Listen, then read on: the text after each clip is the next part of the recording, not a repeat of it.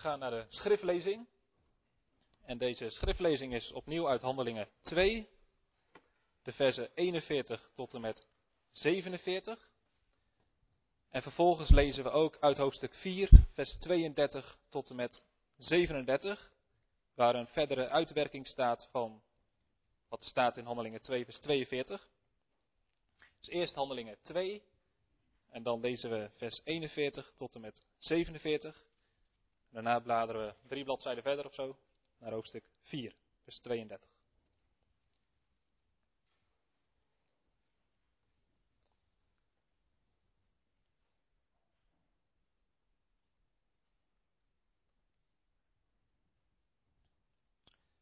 En daar luidt het woord van God als volgt. Zij nu, die zijn woord met vreugde aannamen, werden gedoopt. En ongeveer 3000 zielen werden er op die dag aan hen toegevoegd.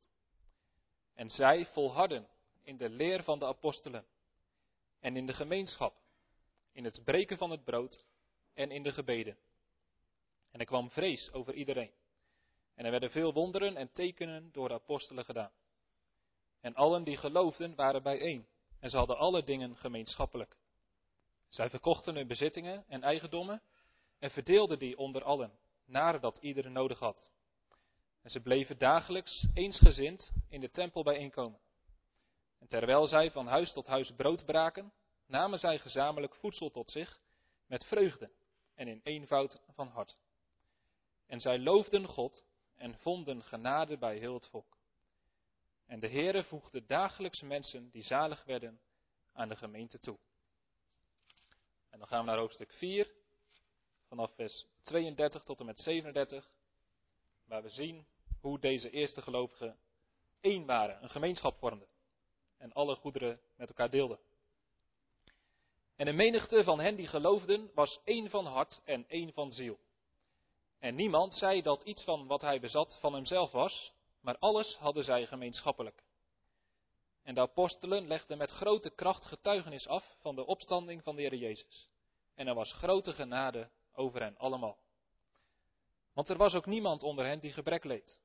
Want alle die landerijen of huizen bezaten, verkochten die en brachten de opbrengst van het verkochte en legden die aan de voeten van de apostelen. En aan ieder werd uitgedeeld naar dat men nodig had. En Jozef, die door de apostelen ook Barnabas genoemd werd, wat vertaald betekent een zoon van vertroosting, een leviet afkomstig uit Cyprus, had een akker. Hij verkocht die en bracht het geld en legde het aan de voeten van de apostelen. Zover onze schriftlezing. We hebben vorige week een begin gemaakt met uh, het kijken naar de vier kenmerken van een gezonde gemeente. Die staan in vers 42. Zij volharden in de leer van de apostelen. Dat hebben we vorige week gezien. En vandaag, vanmorgen, kijken we naar het tweede en derde kenmerk. Dat ze volharden in de gemeenschap en in het breken van het brood. En dan vanavond kijken we naar het vierde en laatste kenmerk. Dat ze volharden in de gebeden. Dus handelingen 2 vers 42. Vanmorgen, ze volharden in de gemeenschap en in het breken van het brood. Zeg mij wie je vrienden zijn en ik zeg je wie jij bent. Het is een heel oud spreekwoord en het komt ook in andere talen bijna letterlijk hetzelfde voor. In het Engels, in het Duits. Zeg mij wie jouw vrienden zijn en ik zeg je wie jij bent. Wie zijn uw vrienden? Tot welk soort mensen voelt u, voel jij je aangetrokken? Met wie breng je het liefste tijd door? In de meeste gevallen zal dat niet alleen iets zeggen over je vrienden, maar ook over jezelf. Soort zoekt soort. Vaak ontstaan vriendschappen rondom een gedeelde interesse. Je hebt vrienden omdat je dezelfde dingen leuk vindt om te doen. Of je hebt vriendinnen omdat je het leuk vindt om over dezelfde dingen te praten. In die zin is het helemaal niet vreemd wat er staat in Handelingen 2 vers 42, dat die gelovigen als het tweede kenmerk van de gemeente volharden in de gemeenschap. Zoals mensen graag samenkomen om uh, voetbal te kijken, of om over trekkers te praten, of andere machines, zo komen deze gelovigen in Jeruzalem ook graag samen. Waarom? Wat is de gedeelde interesse? Wat is het wat deze gelovigen aan elkaar verbindt? waarom willen deze mensen zo graag bij elkaar zijn? Nou, de reden daarvoor, dat staat in vers 44. Daar staat een typering van wat voor soort mensen dit is. En allen die geloofden. Dus er staan niet en alle boeren of aan alle mensen die van vogels houden. Nee, alle die geloofden. Dat is het soort mensen wat hier bij elkaar komt. Het is het geloof wat deze mensen in Jeruzalem naar elkaar toetrekt en aan elkaar verbindt. Nou, dan kun je afvragen, wat geloofden zij? Wat is het geloof wat hen bij elkaar bracht? En dat hebben we vorige week gezien. Dat is de leer van de apostelen. Deze mensen worden samen verbonden doordat ze geloven in de leer van de apostelen. Deze mensen zijn overtuigd geworden van de waarheid van het evangelie, hebben zich bekeerd en ze geven zich over aan het onderwijs dat de apostelen geven. Dus de leer van de apostelen brengt de mensen die tot bekering en geloof komen samen in een onderlinge gemeenschap. Dit is het plan van God. En dit is ook het verlangen van de Heer Jezus. Het is het plan van God om niet alleen mensen met zichzelf te verzoenen, om ervoor te zorgen dat de relatie tussen mensen en Hem weer goed is. Het is ook Gods plan om tegelijkertijd mensen met elkaar te verzoenen. Om ervoor te zorgen dat relaties tussen mensen ontstaan en goed blijven. Door het geloof in de Heer Jezus staat in Efeze, worden alle mensen die tot bekering en geloof komen, samengevoegd tot één lichaam. Alle christenen die werkelijk in de Heer Jezus geloven, vormen samen één geweldig groot lichaam. Een eenheid. We weten hoe belangrijk deze gemeenschap van gelovigen voor de Heer Jezus is. Dat is een hele bekende tekst in een bekend gebed. Johannes 17, dat Jezus bidt voor de gelovigen van alle tijden en alle plaatsen. En dan zegt Jezus tegen zijn vader, ik bid niet alleen voor deze, en dan bedoelt hij de discipelen die bij hem zijn, de apostelen, maar ik bid ook voor hen die door hun woord in mij zullen geloven. Opdat ze allen één zullen zijn. Zoals u, Vader, in mij en ik in u. Dat ook zij in ons één zullen zijn. Opdat de wereld zal geloven dat u mij gezonden hebt. Precies wat hier gebeurt in Jeruzalem. Dat er een eenheid ontstaat tussen alle die geloven. Dat was het plan van God. En dat is het verlangen van de Heer Jezus. Het is ook een opdracht voor elke gelovige. Het is een plicht voor elke christen om lief te hebben, om zijn broeder lief te hebben. 1 Johannes 4, vers 21, daar staat, en dit gebod hebben wij van hem, dat wie God lief heeft, ook zijn broeder moet lief hebben. En deze opdracht die komt voort uit het besef dat wij zelf door God geliefd zijn. Er staat in vers 11, hierin is de liefde niet dat wij God lief hebben gekregen, maar dat God ons lief had en zijn zoon zond als een verzoening voor onze zonden. Geliefden, als God ons zo lief had, moeten ook wij elkaar lief hebben. Dus als je weet, ik ben door God geliefd, dan heb je, dan moet je ook liefde hebben tot andere kinderen van God. Johannes zegt zelfs, het is een kenmerk, een bewijs van echte gelovigen. Iedereen die werkelijk een kind van God is, die werkelijk opnieuw geboren is, heeft ook liefde tot andere kinderen van God. 1 Johannes 5 vers 1. Ieder die gelooft dat Jezus de Christus is, is uit God geboren. En ieder die hem lief heeft, die geboren deed worden, heeft ook lief wie uit hem geboren is. Kent u deze liefde? Is het uw verlangen, is het jouw verlangen om één te zijn met andere kinderen van God? Is het dit geloof in de leer van de apostelen wat ons als gemeenteleden aan elkaar verbindt? En zo mooi als het hier is in handelingen, zo moeilijk is het vaak in de praktijk. En dat is niet alleen iets van deze tijd, dat wordt al duidelijk in het boek Handelingen zelf en ook in de brieven van het Nieuwe Testament. De Corinthiërs die maakt er helemaal een uh, puinhoop van. En Paulus die schrijft over strijd die er is tussen die gelovigen. De een zegt ik ben van Paulus, een ander zegt ik ben van Petrus, een ander is van Apollos. Ze zijn groepen aan het vormen. En dan schrijft hij aan de Corinthiërs, want u bent nog vleeselijk. Als er immers onder u afgunst is en ruzie en tweedracht, bent u dan niet vleeselijk en wandelt u die dan niet naar de mens. Paulus zegt hier eigenlijk, vleeselijk, dat betekent jullie geven toe aan de zonde.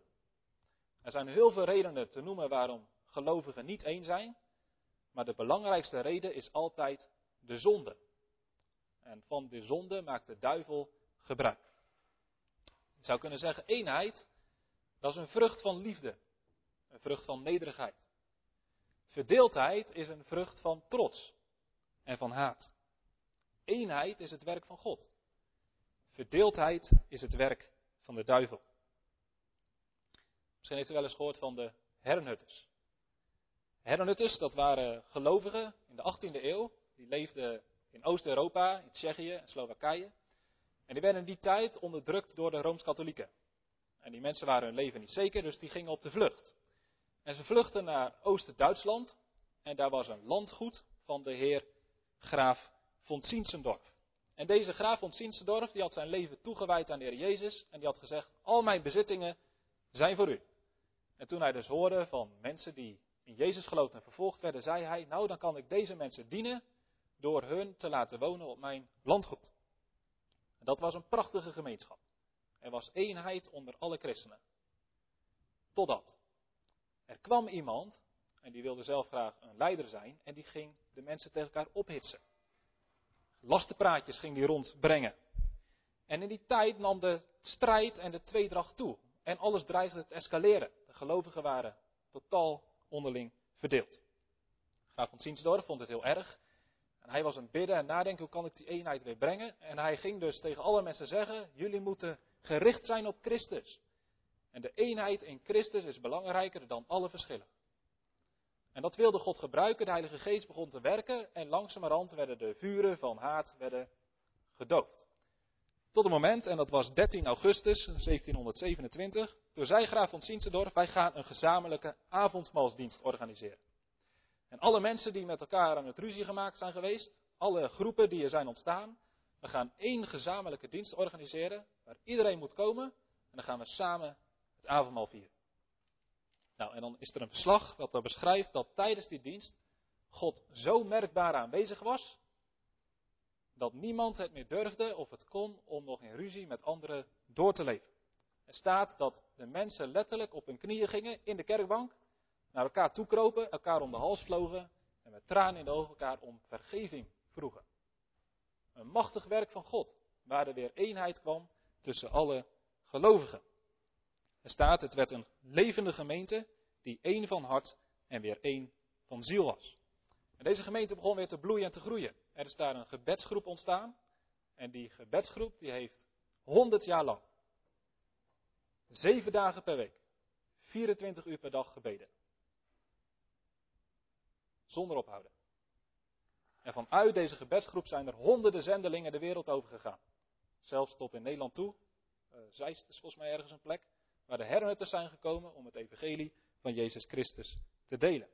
Deze gemeente ging weer terug naar Handelingen 2. Zij leerden opnieuw om als gemeente te volharden in de gemeenschap. En om die ruzies en strijd te voorkomen in de toekomst hadden ze de volgende woorden als uitgangspunt genomen. Ze hadden afgesproken, in de essentiële dingen is er eenheid. De hoofdzaak. In de niet-essentiële dingen geven we elkaar vrijheid. En in alle dingen moet er liefde zijn. In de hoofdzaken eenheid, in de bijzaken vrijheid en in alles liefde. Nou, dat is een mooi uitgangspunt en dat moeten wij ook hebben. En dan is de vraag, wat zijn die essentiële dingen? Wat zijn de hoofdzaken waar wij als gelovigen één in moeten zijn? Dat is de leer van de apostelen. Het is de leer van de apostelen die deze gemeente in Jeruzalem één maakt. En het is de leer van de apostelen die ons als gelovigen één moet maken. Wij moeten één zijn met alle gelovigen die van harte beleiden, in overeenstemming met de leer van de apostelen, dat de Bijbel het woord van God is. En met alle gelovigen die het oprechte verlangen hebben om zowel in leer als in leven, in overeenstemming met de Bijbel, te geloven en te leven. Als mensen het gezag van de Bijbel verwerpen, zich niet willen vasthouden aan de leer van de apostelen, dan hoeven we daar niet één mee te zijn. Maar alle gelovigen die de Bijbel zien als het woord van God, die zich willen toewijden aan de leer van de apostelen, daarmee moeten we één zijn. Dus ik anders zeggen. Paulus zegt dat de gemeente, dat de gelovigen gebouwd worden op het fundament van de apostelen. Dat betekent dat iedereen die op dat fundament aan het bouwen is, automatisch een eenheid vormt. Dat wordt één gebouw. Maar stel dat er mensen zijn die zeggen, nou wij willen niet op dit fundament bouwen. Wij willen ons niet vasthouden aan de leer van de apostelen. Wij gaan daarnaast bouwen. Dan zijn zij het die de eenheid verbreken. Als je buiten het fundament bouwt, dan plaats je jezelf buiten de eenheid van de gemeente. Maar alle gelovigen, van alle tijden en alle plaatsen die willen bouwen op dit ene fundament, die moeten onderling één zijn. Nou, deze eenheid is kenmerkend dus voor de gemeente Jeruzalem. En de eenheid die gefundeerd is in de leer van de apostelen, moet ook de eenheid zijn die ons als gemeente kenmerkt. En we hebben gezien, dit is het plan van God en dat is het verlangen van de Heer Jezus. En daarom moeten we als gemeenteleden dit verlangen, dit willen. Nou, dat moet binnen de gemeente, maar ook daarbuiten. Gelovigen zijn niet alleen in Werkoven, gelovigen wonen ook in Langbroek en in eh, Duitsland en in China. We moeten als gelovigen één zijn met de kerk van alle tijden en alle plaatsen. En wat zou het heerlijk zijn als al die kerkmuren die er in de loop van de jaren zijn ontstaan wegvallen. En dat we ons werkelijk als kinderen van God hartelijk met iedereen verbonden weten die de naam van Jezus wil beleiden. Nou, we zijn nu 2000 jaar verder en het is een puinhoop geworden in Nederland. Het is goed dus om af en toe terug te gaan voordat het allemaal misging en te kijken hoe heeft God het bedoeld. En waar zouden wij naar moeten streven? Wat moet ons verlangen zijn? In Handelingen 2 zijn er nog geen kerkverbanden. Allen die geloofden waren bijeen. Iedereen. Allen die geloofden. Dus er was een eenheid tussen iedereen die op dat moment in Jezus geloofde. En er staat in vers 46, zij bleven dagelijks eensgezind in de tempel bijeenkomen. Het was niet zo dat ze geen ruzie maakten omdat ze elkaar nooit zagen. Nee, ze kwamen dagelijks bij elkaar. Dus genoeg reden om elkaar goed te leren kennen en elkaar zwakheden en gebreken te ontdekken. Maar er staat, kwamen niet alleen dagelijks bij elkaar, maar ook dagelijks eensgezind. Wat moet dat prachtig zijn geweest. Die liefde, die toewijding in elkaar. Nou, dat was niet alleen iets van de woorden en van de tong. Johannes zegt, als we elkaar lief hebben, dan moet dan niet alleen iets zijn wat we zeggen, maar dat moet ook zich uiten in onze daden. Heb liefde, niet alleen met het woord of met de tong, maar ook met de daad en in waarheid. En wat we hier zien, is dat die onderlinge liefde zich niet alleen uit in het feit dat ze zoveel als mogelijk samen proberen te zijn, maar ook in het feit dat ze elkaar praktisch wilden helpen. Nou, daar gaan we nu naar kijken. Dat staat in vers 44 en 45. Hoe ze elkaar praktisch wilden helpen. En alle die geloofden waren bijeen en hadden alle dingen gemeenschappelijk. En zij verkochten hun bezittingen en eigendommen en verdeelden die onder allen naar dat ieder nodig had. Nou, dit is een van de meest uh, verkeerd geïnterpreteerde teksten, die heel vaak zo is toegepast, met name door secten. Als je lid wordt van onze gemeente, dan is jouw bankrekening van ons. Alle spullen die je hebt, die zijn van ons. We zijn hier een gemeente, dus we leven in gemeenschap van goederen. Niemand mag meer eigen bezit hebben. Dat halen ze uit deze tekst. Iedereen verkocht hun bezittingen en eigendommen en ze hadden alle dingen gemeenschappelijk. Nou, volgens mij is dat hier niet het geval. Zou dit zo moeten? Dat iedereen alles gemeenschappelijk heeft. Nou, dan moeten we even kijken naar hoofdstuk 4. Wat gebeurde hier precies? En we hebben dat gelezen omdat daar eigenlijk een voorbeeld van wordt gegeven hoe dat ging. Hoe zij alles gemeenschappelijk hadden. Staat in vers 32. En de menigte van hen die geloofden was één van hart en één van ziel.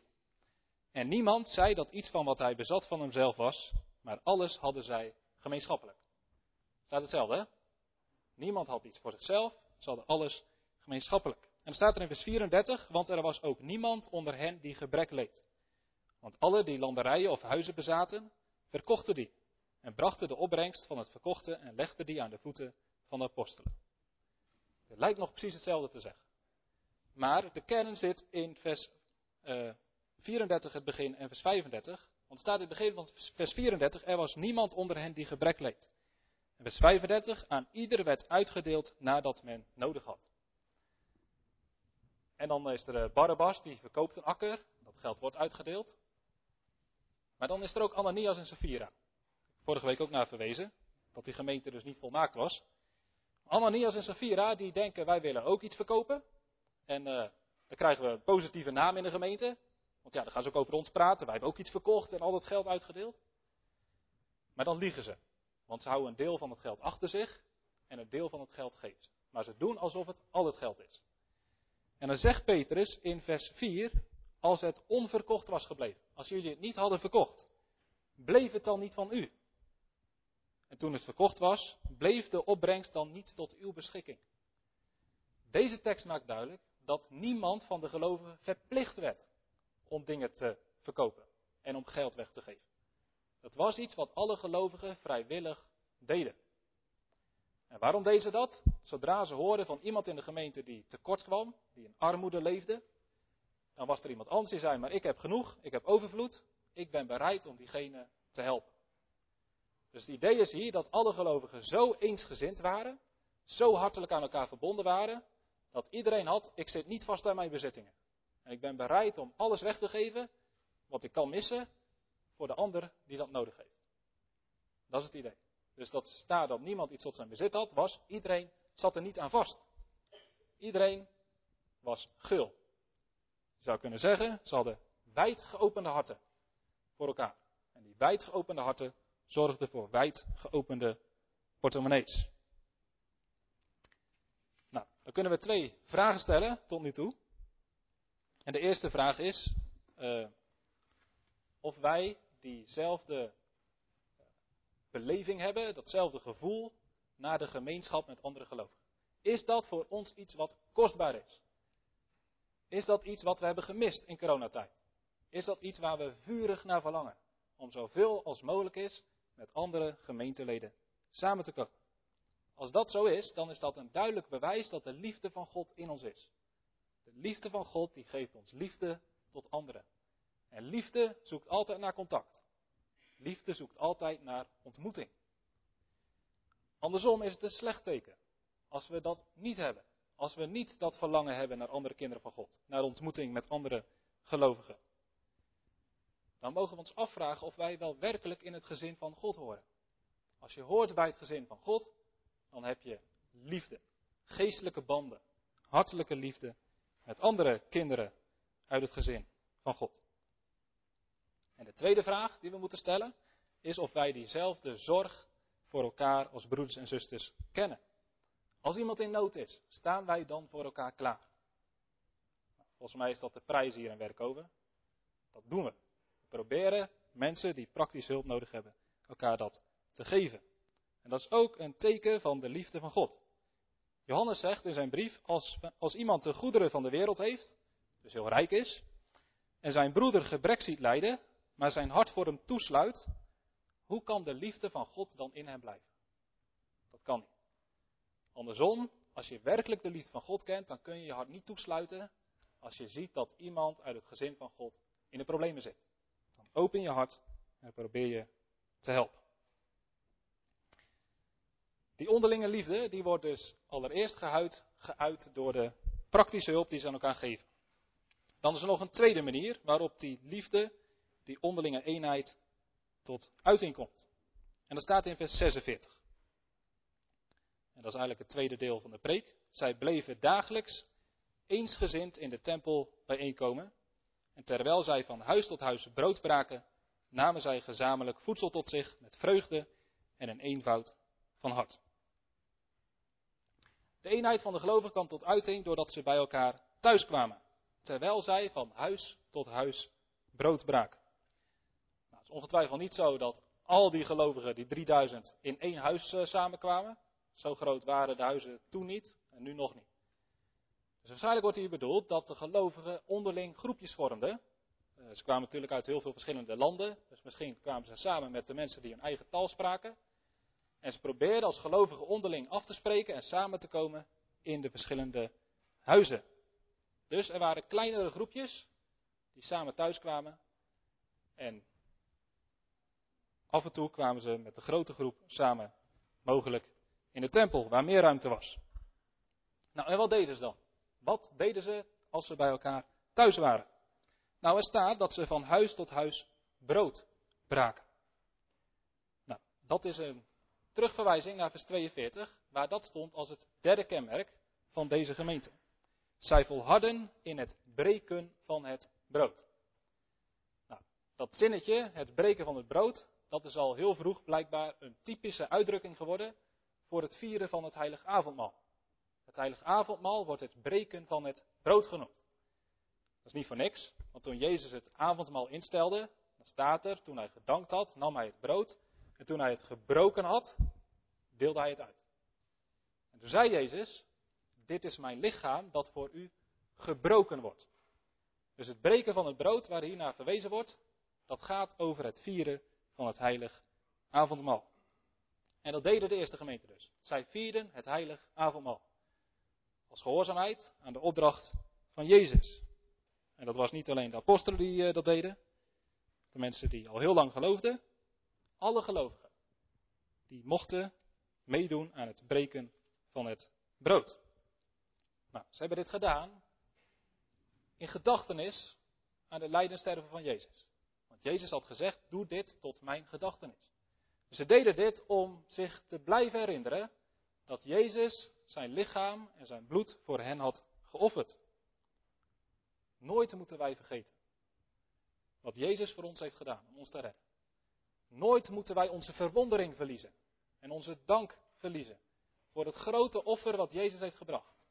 We moeten continu beseffen hoe heerlijk, hoe groot, hoe kostbaar dat offer van Jezus Christus is geweest. En om ons daarbij te helpen, vieren wij het avondmaal. Om daar weer heel bewust over na te denken. De tweede, zegt het avondmaalsformulier, kunnen we het avondmaal vieren om ons geloof te versterken. We kunnen heel veel twijfels hebben. Of wij wel het eeuwige leven hebben. Of wij wel kinderen van God zijn. Of wij wel de belofte van het evangelie mogen ontvangen. En als je eerlijk naar jezelf kijkt. Volgens mij doet iedereen dat redelijk. Dan weet je, ik ben het helemaal niet waard. Die beloften die zijn zo mooi. Maar mijn leven is zo lelijk. Wie is het nou waardig genoeg om hier te zitten? Of om straks deel te nemen aan het avondmaal? Niemand. Absoluut niemand. Niemand is het waard om deel te nemen aan het avondmaal. En toch mogen we het gebruiken. We moeten ons niet laten leiden door onze sterke twijfels, maar het avondmaal, zegt het formulier, dat helpt ons om niet op onszelf te zien, maar op de Heer Jezus. En juist de mensen die beseffen dat ze het zelf niet waard zijn, maar dat ze volledig afhankelijk zijn van het offer van de Heer Jezus, die doen het op de goede manier. Die hebben de juiste houding om deel te nemen. Als je weet van jezelf, ik ben er niet waard. Maar de Heer Jezus heeft een volmaakt offer gebracht. En ik wil op Hem mijn vertrouwen stellen. Van Hem de vergeving verwachten. Van Hem het eeuwige leven dan ga je op de goede manier aan. Dus Jezus heeft het avondmaal aan ons gegeven, omdat hij weet dat wij sterke twijfelaars zijn en zwakke gelovigen. En hij geeft dit om ons te helpen om niet naar onszelf te kijken, naar Hem, naar Zijn lichaam, naar Zijn bloed. Het volmaakte offer dat Hij eens en voor altijd heeft gebracht. Nou, dat is een grote reden om dankbaar te zijn dat we het avondmaal weer mogen vieren. Het is tot versterking van ons geloof. En de versterking van het geloof leidt tot versterking van de gemeente. De beloften van het evangelie komen straks tot ons. Ze komen vaak tot ons in woorden. Maar nu komen ze tot ons in zichtbare tekenen. We kunnen het zien. Het wordt heel tastbaar.